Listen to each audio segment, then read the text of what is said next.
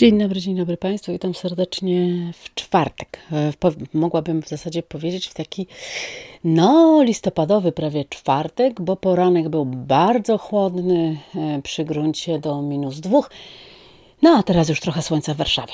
Proszę Państwa, e, o czym dzisiejszy felieton? Taka refleksja po moim pobycie dwa dni temu w Treblince.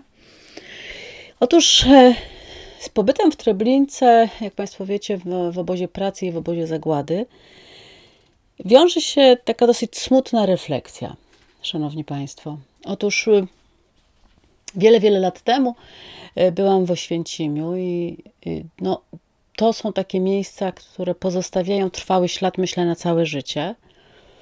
I wydawało mi się, że już kiedy widzi się Oświęcim, i kiedy on tak się mocno wbije w ludzką świadomość, no to każde kolejne miejsce zagłady będzie jakby powielało tamte wrażenia. Natomiast, e, natomiast, szanowni państwo, Treblinka dołożyła jakby do tego bagażu coś swojego. To miejsce dosyć specyficzne, ponieważ jak się wchodzi do Oświęcimia, to ma się takie wrażenie, że to jest taka fabryka śmierci, świetnie przemyślana. Natomiast kiedy się dzisiaj chodzi po terenie Treblinki, to jest to po prostu las, w którym pozostało wiele istnień e, z głazami, które symbolizują e, miejsca, z których pochodzili e, ludzie, którzy zginęli w Treblince.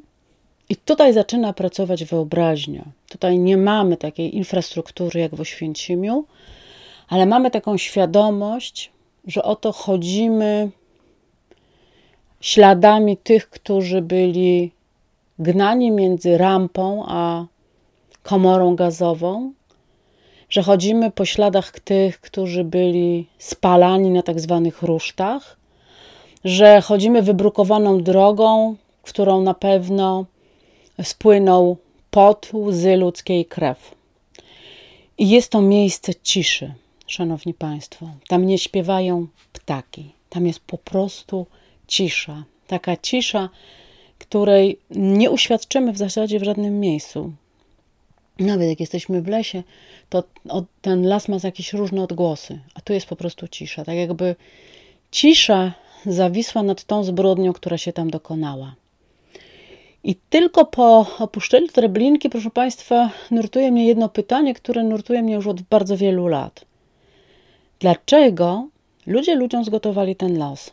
Dlaczego człowiek, który ma być cudem stworzenia, jest tak naprawdę wstydem dla drugiego człowieka, ponieważ z sadyzmem, z satysfakcją morduje bezbronne matki, dzieci, starców, mężczyzn. No i kiedy przejdzie się tą całą ścieżkę Treblinki, e, to jest prawie 5 kilometrów lasem, to wychodzi się e, z takim poczuciem totalnego wstydu, szanowni państwo.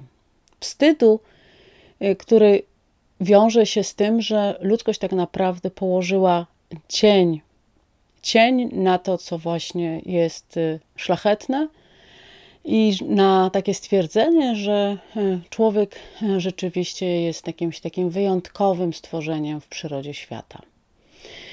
Proszę Państwa, no taki dzisiaj felieton refleksyjny, ale czasami myślę, musimy się zatrzymać i musimy pomyśleć, musimy poddać się nawet smutnym refleksjom, bo w przeciwnym razie wydaje mi się, że żylibyśmy tak bezmyślnie, w pośpiechu, e, goniąc tylko czas, a nie mając żadnej innej refleksji. I już tylko jedno zdanie na koniec. Szkoda, że nie, no, nie uczymy się niestety na historii. Do usłyszenia, Szanowni Państwo.